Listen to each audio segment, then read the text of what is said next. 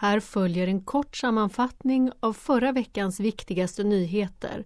Med er i studion i Vatikanen är Katarina Agorelius.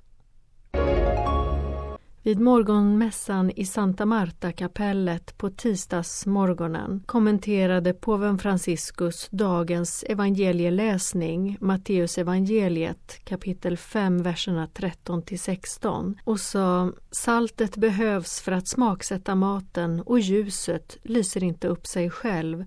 De kristnas vardagliga vittnesbörd är enkelt, att tjäna andra och inte berömma sig själv över vad man har åstadkommit. Påven talade om det enkla vardagliga vittnesbördet och det som är den vardagliga heligheten som kristna är kallade till. Det verkar inte så mycket men Herren gör mirakel och underverk med våra små handlingar, sa påven. Det krävs ödmjukhet, salt för andra och ljus för andra för att salt smaksätter inte sig själv och ljuset lyser inte upp sig själv. De båda utför en tjänst. Påven avslutade sin predikan i morgonmässan med orden En fin bön för oss alla vid dagens slut vore att fråga sig Har jag varit salt idag? Har jag varit ljus idag? Detta är vardagens helighet. Må Herren hjälpa oss att förstå det. På måndagsmorgonen blev programmet officiellt för påven Franciscus apostoliska resa till Irland i samband med världsfamiljedagen i Dublin den 25-26 augusti. Det hela inleds med en välkomstceremoni och artighetsvisit hos presidenten och sen möter påven landets myndigheter, civilsamhälle och diplomatiska kår. Därefter besöker påven St. Mary's Pro-katedral och ett privat besök i ett mottagningscentrum för hemlösa. Och den första dagen, lördagen den 25, avslutas med dagens kulmen nämligen på Croke Park stadium för världsfamiljedagen där han håller tal till familjerna. På söndagen kommer påven besöka sanktuariet i Nock och därefter ber han Angelusbönen på fältet framför sanktuariet.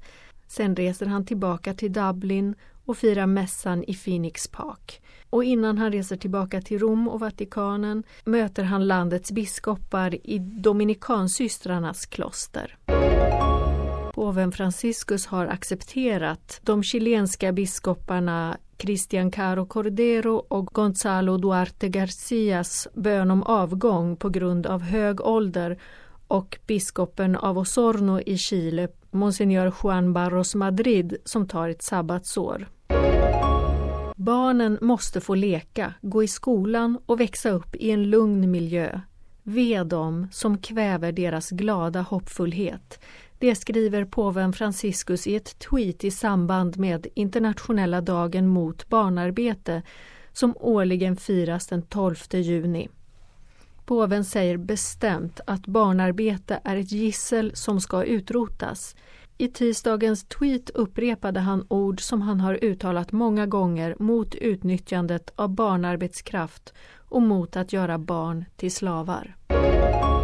En kristen delegation från Nordkorea kommer att möta påven Franciscus under hans besök i Genève den 21 juni med anledning av kyrkornas världsråds möte i staden. Världsrådets kommunikationsansvariga Marianne Eidersten berättar för Vatican News att man vid världsrådets möte 15 till 21 juni väntar 150 deltagare och 200 övriga gäster och bland gästerna kommer även en delegation från Syd och Nordkorea som också ska delta i mötet med påven den 21 juni. Påven Franciscus inledde en ny trosundervisningsserie om budorden under onsdagens allmänna audiens. Påven utgick från dagens evangelietext, Markus evangeliet kapitel 10, verserna 17 21 och kommenterade frågan som vändes till Jesus vad ska jag göra för att vinna evigt liv? och sa Hans fråga uttrycker den universella längtan som särskilt unga människor känner att helt och fullt leva ut sitt liv och inte slå sig ner i ett medelmåttigt. Jesus ber först den unge mannen att följa budorden men sen visar han på något större, något som fortfarande saknas. Han inbjuder den unge mannen som har följt budorden sedan barnsben att sälja allt han hade för att ge till de fattiga och följa honom och lovade att han på detta sätt får en skatt i himlen. Påven sa att vi här förstår meningen i Jesus ord att han inte har kommit för att upphäva lagen utan för att uppfylla den. Herren vill ge oss något större, livets skatt i överflöd. I de tio budorden, då man läser dem i Kristi ljus, finner vi en dörr genom vilken vi kan följa Jesus till ett fullkomligt liv, hans eget liv och vårt liv som Guds barn. Vid slutet av den allmänna onsdagsaudiensen sände påven ut en appell riktad till fotbolls-VM i Ryssland med hopp om att det blir ett tillfälle till möte, dialog och broderskap mellan olika kulturer och religioner och att det främjar solidaritet och fred mellan länder. Kardinalrådet C9 har hållit sitt 25 möte tillsammans med påven Franciscus den 11 till 13 juni och Heliga stolens presschef Greg Burke presenterade sammanträdets innehåll under en presskonferens på onsdagen. Till största delen har rådet sett över utkastet för Roms Kurias nya apostoliska konstitution som bär den provisoriska titeln Predicate Evangelium. Kardinalrådet har slutfört en första text att överlämna till påven för översyn. Rådet har också gradvis sett över de olika delarna i kurians pågående reform och bland annat Monsignor Brian Firm, rådets sekreterare för ekonomiska frågor, presenterade reformen för den finansiella organisatoriska strukturen för Heliga stolen och guvernatoratet. Och kardinal Sean Patrick O'Malley uppdaterade rådet om arbetet vid påvliga kommissionen för skydd av minderåriga.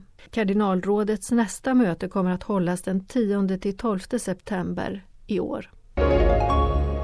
Den 14 juni hölls ett möte i Vatikanens vetenskapsakademi mellan Heliga stolen och Mexiko om internationell migration och mötet sammanföll med att det är 25 år sedan de två staterna upprättade diplomatiska relationer med varandra. Ett gynnsamt tillfälle att stärka och förnya samarbetet och överenskommelser för att fortsätta arbeta tillsammans till förmån för samhällets fattiga och bortglömda personer. Under mötet läste ärkebiskop Paul Richard Gallagher upp påvens budskap till mötesdeltagarna där han skriver att det krävs en ändring på mentaliteten och att gå från att se den andra som ett hot på vår bekvämlighet till att uppskatta den för någon som kan bidra med sin livserfarenhet och sina värden till vårt samhälles välstånd. Så det grundläggande tillvägagångssättet är att bemöta andra för att ta emot, känna och känna igen dem. Påven har skrivit ett budskap till världsdagen för de fattiga som handlar om att engagera sig utan att för den skull ta huvudrollen. Fattigdom skapas av synder som har förödande konsekvenser. Inför en slags fobi mot de fattiga ska vi svara med solidaritetsengagemang och samarbete med andra verkligheter. Detta är kärnan i påven Franciscus budskap till världsdagen för de fattiga som instiftades på hans eget initiativ förra året och som i år firas den 18 november. Påven Franciscus besök i Genève den 21 juni blir tredje gången en påve besöker staden. Och det är även den tredje gången som en påvlig resa går till Genève för att delta i internationellt mycket viktiga händelser. Paulus VI besökte Genève 1969 och mötte Internationella arbetsorganisationen och Kyrkornas världsråd. Johannes Paulus II var där 1982 och besökte Internationella Röda korskommittén, Europeiska organisationen för kärnforskning och 1984 Kyrkornas världsråd och det ekumeniska institutet BOSI.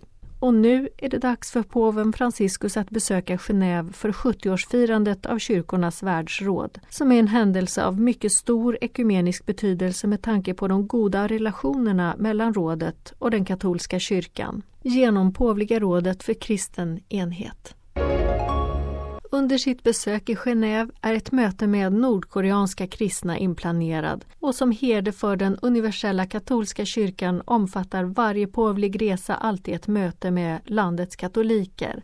Och påven kommer att fira mässan i stadens mässhall Palla Expo med Schweiz katoliker. Biskopen av Genève, monsignor Charles Morero, säger att påven kommer till ett land som är rikt på olika kulturer och som kan leva bra tillsammans, men även ett land där självmordssiffrorna är bland de högsta i Europa och där, trots det ekonomiska välståndet, man kan dö av tristess. Men gratisbiljetterna online för att delta i påvens mässa tog slut på en dag och biskopen säger att man i Schweiz ser fram emot påven Franciscus apostoliska resa i landet som ett tecken på hopp och glädje. Torsdagen den 21 juni reser påven Franciscus på en apostolisk resa till Genève i Schweiz. Och vid en presskonferens för Vatican News gav samordnaren för påvens resor, monsignor Mauricio Rueda, en sammanställning av reseprogrammet. Den apostoliska dagsresan går i ekumenikens tecken och kallas för påvens ekumeniska pilgrimsfärd till Genève då han gör den med tanke på 70-årsfirandet av de ekumeniska kyrkornas världsråd. Han har därför också tackat nej till inbjudan från stadens internationella organisationer. När påven har landat på Genèves flygplats tas han emot av schweizergardet och möter förbundspresidenten. Första anhalten är det ekumeniska centrumet för en ekumenisk bön och det följs av ett möte med ledarna för kyrkornas världsråd i det ekumeniska institutet BOSI. Omkring 45 000 personer kommer att delta i den påvliga mässan i mässhallen Palla Expo och därefter hålls en avskedsceremoni. Påven kommer att hålla tre tal under sin resdag, först en reflektion under bönemötet sen ett tal vid det ekumeniska mötet och slutligen predikan vid mässan.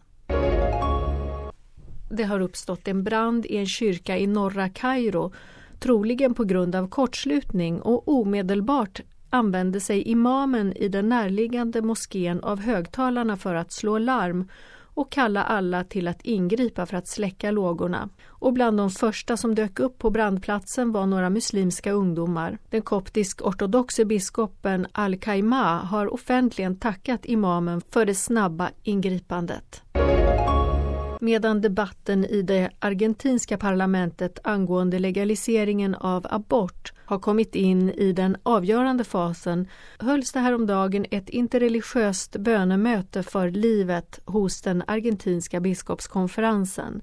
I bönen deltog representanter för de olika religionernas organisationer. Ordförande för biskopskonferensen, monsignor Oscar Ojea, säger kärleken till livet ökar vårt engagemang för värdiga levnadsförhållanden. I ett gemensamt slutbudskap framhålls det att religionerna är förenade i stödjandet och främjandet av rätten till livet och dess värdighet. Tiotusentals personer deltog i söndags i Marschen för livet och familjen som hade organiserats i 62 städer i Polen. Årets motto var Polen starkt genom familjen. Den första marschen för livet och familjen i Polen ägde rum i Warszawa år 2006 och varje år ökar deltagarna i marschen. Just som världssamfundet med oro följer ödet för de 629 flyktingarna på fartyget Aquarius som väntar på att kunna gå in i någon hamn efter att både Malta och Italien har vägrat tillstånd till detta har Caritas Internationalis inom ramen för kampanjen Share the Journey organiserat en global aktionsvecka mellan den 17 och 24 juni. Syftet är att ge ett konkret vittnesbörd om solidaritet gentemot migranterna. Bland annat kommer man under denna vecka dela måltiderna med migranter och flyktingar hos Caritas, i församlingarna och på andra platser. Den spanska staden Valencia är redo att ta emot de 629 flyktingarna på räddningsbåten Aquarius som nekades att gå in i hamn i Italien och Malta. Valencias ärkebiskop kardinalen Canizares har därför bildat en koordinationsgrupp med alla resurser som kyrkan i Valencia har tillgång till för att bistå migranterna. Mötet mellan USA och Nordkorea i Singapore är en ny etapp mot freden i Korea, Asien och hela världen Det framhåller biskopen i Daejeon, Monsignor Yu, som också är ordförande i de sydkoreanska biskoparnas kommission för samhället. Han berättar att han har bett för och välsignat de båda ledarna. Han säger att en miljon personer lider av att Korea är delat, att deras familjer är splittrade. Men nu upplever vi ett nytt hopp. Vi är glada för med Guds nåd ser vi att det inleds en ny tid.